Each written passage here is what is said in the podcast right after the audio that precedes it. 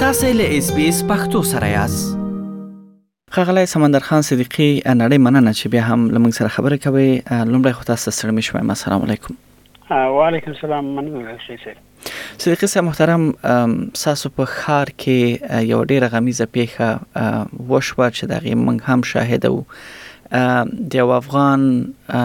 کورنۍ کور اور واخیست چې یو غړی هم دوی له لاسه ورکړ صدیقي صاحب تاسو هم دوی لنګدې پیژندل دغه پیښه په اړه تاسو خپل معلومات شریک کړئ مننه لخیل صاحب پیښه تقریبا تیر هفته د یک شنبه په ورځ چې تقریبا غالبا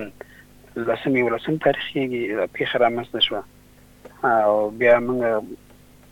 کومه خور چې په اور کې تکلیف ورته رسېدلی او هغې خپل ژوند حق ته وسپاره د تېرې پنجشنبې په ورځ څوارلسم تاریخ باندې دا پیښه په اډلېډ کې په کلبورن کې وشوه زمونږ د یو دوستان په کور کې صدیقی صاحب دغه کورنۍ چې تاسو له څومره وخت نه پیژندله څومره وخت کې کېږي چې استرالیا ته دوی راغلي دي دغه کورنۍ تقریبا څه باندې دوه کلونه کېږي چې استرالیا ته راغلي وو او د هغې ورځې نه چې راغلي وو زموږ سره فامیلي دوستانه اړیکې هم درلودلې په دې دلیل چې د دې ورور نور د کورنۍ دوه ورونه نور هم په استرالیا کې د تېرو اوه اته کلونو راهیسې اوسېږي د پرې ټلین تر وخت چې تاکتي وه موږ سره پېژندلي وه صحیح صدیقی صاحب دوی د افغانستان له کوم ولایت څخه دلته کډه شوي ول استرالیا ته؟ دوی د افغانستان د اروزګان د ولایت سره تعلق لري. ښاغلی صدیقي صاحب د دې کورنۍ چې تاسو د یوې میرمنې د ژوند له لاسه ورکولو ذکر وکړ په دغه پیښه کې که یو څه رڼا پې واچوي دغه پیښه څنګه وشوه کم مهال وشوه څومره کسان په دې کې نور یعنی سوځیدلی دی یا ټپیان شوی دی دا ویلی شو لږ څه نور که دغه موضوع په اړه باندې رڼا واچوي پیښه تیر هفته د یک شنبه په ورځ د اور لګیدلو له امله چې رامنځته کړه اور په اشپزخانه کې رامنځته شوی و کله چې د خور په اشپزخانه کې په څه بوخته باندې یا په دې کولو باندې بوخته وه د سهار په وخت کې تقریبا پنځه نیمې یا شپږ بجې رامنځته شوی و په اور کې بل د کورنۍ غړي ته د خاص زیان نه رسېدلی فقط د کورنۍ غړي ته چې د خور خاوند ته د دود د تنفس د امله مشکل پیدا شو چې هغه تقریبا یو ورځ یا شپه پس په شفخانه کې ایمرجنسي کې بستر او اوس صحت د ډاډ وړ ده بل چاته د صحي یا د اور لګیدنې د عمله د سوخت کوم زیان نه درسیدلی صحیح خغله صدیقی صاحب تاسو هم په ډلیټ ښار کې د یو ټولنې مشري کوي ډیر کار مو لنو راغلو افغانانو سره دی دغه مسله چې په دې تېرو څو میاشتو کې یا په تېرو کلونو کې که موږ وګورو نو ډېری کورونه چې سوځېږي په هغې کې یعنی ډېره برخه یې افغانان جوړوي د دوی کورونه سوځېږي د دې لامل تاسو څه کې ګوري آیا دوی دا د خوندیتوب په چارو باندې دوی نه پوي او یا دغه مسله تاسو ته هم آیا دا سوچ مو پوي کړی دی اکثر کورنۍ علي خیل صاحب چې د افغانستان نه کډه کېږي استرالیا هېواد ته سیستم د اشپزخانې د پخلنځی فرق کوي چې په افغانستان کې موږ د لرګي استفاده لرو اکثرت ولایتونو کې په اډر کې بیا د په استرالیا کې د ګاز سیستم دا د ګاز سیستم سره د فامیلونو نابلدتیا ده چې دې سره سره د استرلیا دولت هغه د مهاجرینو ارګنایزیشن چې په استرلیا کې دي لکه د ایمز او ایم آر سي خپل د افغاني ټولنو چې موږ تقریبا تیر کلونو کې څو داسې پروګرامونه رامنځته کړي چې په غي باندې نو راغلو دوستانو ته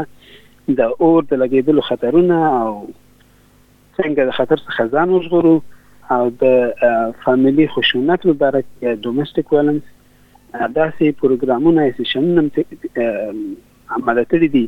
خو بدبختانه ډیری افغانان ورونه زمونږ دغه ته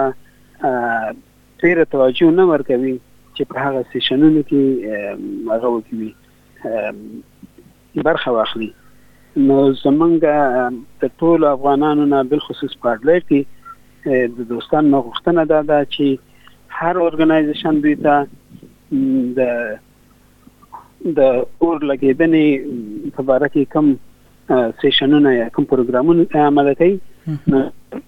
هله مو دوی څخه دا ده چې دوی ته ډېر جدي وخت ورکړي او په هغه پروګرامونو کې د کور د فامیل غړي بالخصوص زنانه وي په هغه سیشنونو کې پروګرامونو کې برخه واخلي تر څو چې دغه معلومات نه مستفید شي او داسې بلا یا بدبختۍ څخه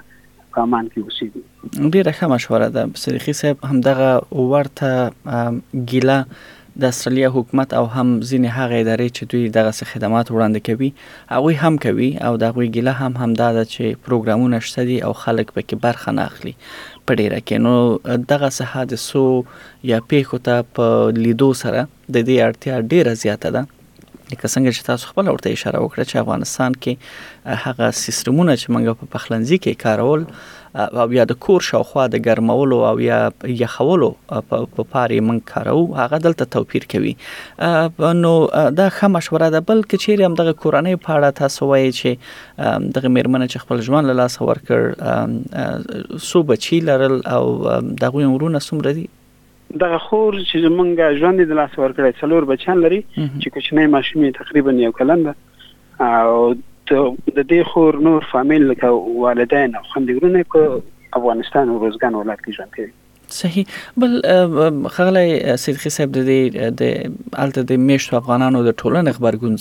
څنګه وو البته د سیمه چې کوم سیمه کې دوی اوسېدل د مغدي سیمه د خلکو خبرګون څه وو او دغه کورنۍ سره څنګه یعنی د مرستې لاس ورکړی دی د ګوانډیانو غبرګون د اور مړکولو په باره کې یو د خواشینی څرګندول د افغانانو ټولنې سره ډیر عمیق چې مننه تر کوو دغه غم د ټولو افغانان ټولنې چې په جنوبي استرالیا کې دي ټول خپل غم غړي خپل تکلیفي ګڼي او د دې فامیل سره اوګه په اوګه باندې په دې مشکلاتو کې لاسرسی کوي صحیح بل صدیقي صاحب آیا دغه دغه کورنۍ ته داسې څه د مرستې کوم پروګرام هم پر مخ اچول شوی دی تر څو دغه سوځیدلې کور ورته بیا ورغوي ټولنه او یا ورته لاسرسي وکړي بله هو منګه د اډلې سیستر په نامه باندې یو ارګنایزیشن چې په جنوبي استرالیا کې ده د غوی له طریقه له طریقه د فنډریزینګ لینک شیر شوی ده چې په ډېر نیوزونو کې او فیسبوک پیجونو کې هم ده چې تقریبا تر اوسه پورې تر یو زر ډالر پورې فنډریزینګ شوی ده او لا هم ادامه لري صحیح نړۍ مننه خغله صدیقی صاحب په دې هله چې زموږ ټولنه او ټول په امن کې وي نو غمیزه پیښه ده تاسو سم صبر غواړم ټول د ډیلیټ اوسیدونکو ته او په ټوله کې افغانانو ته او کورنۍ ته صبر غواړو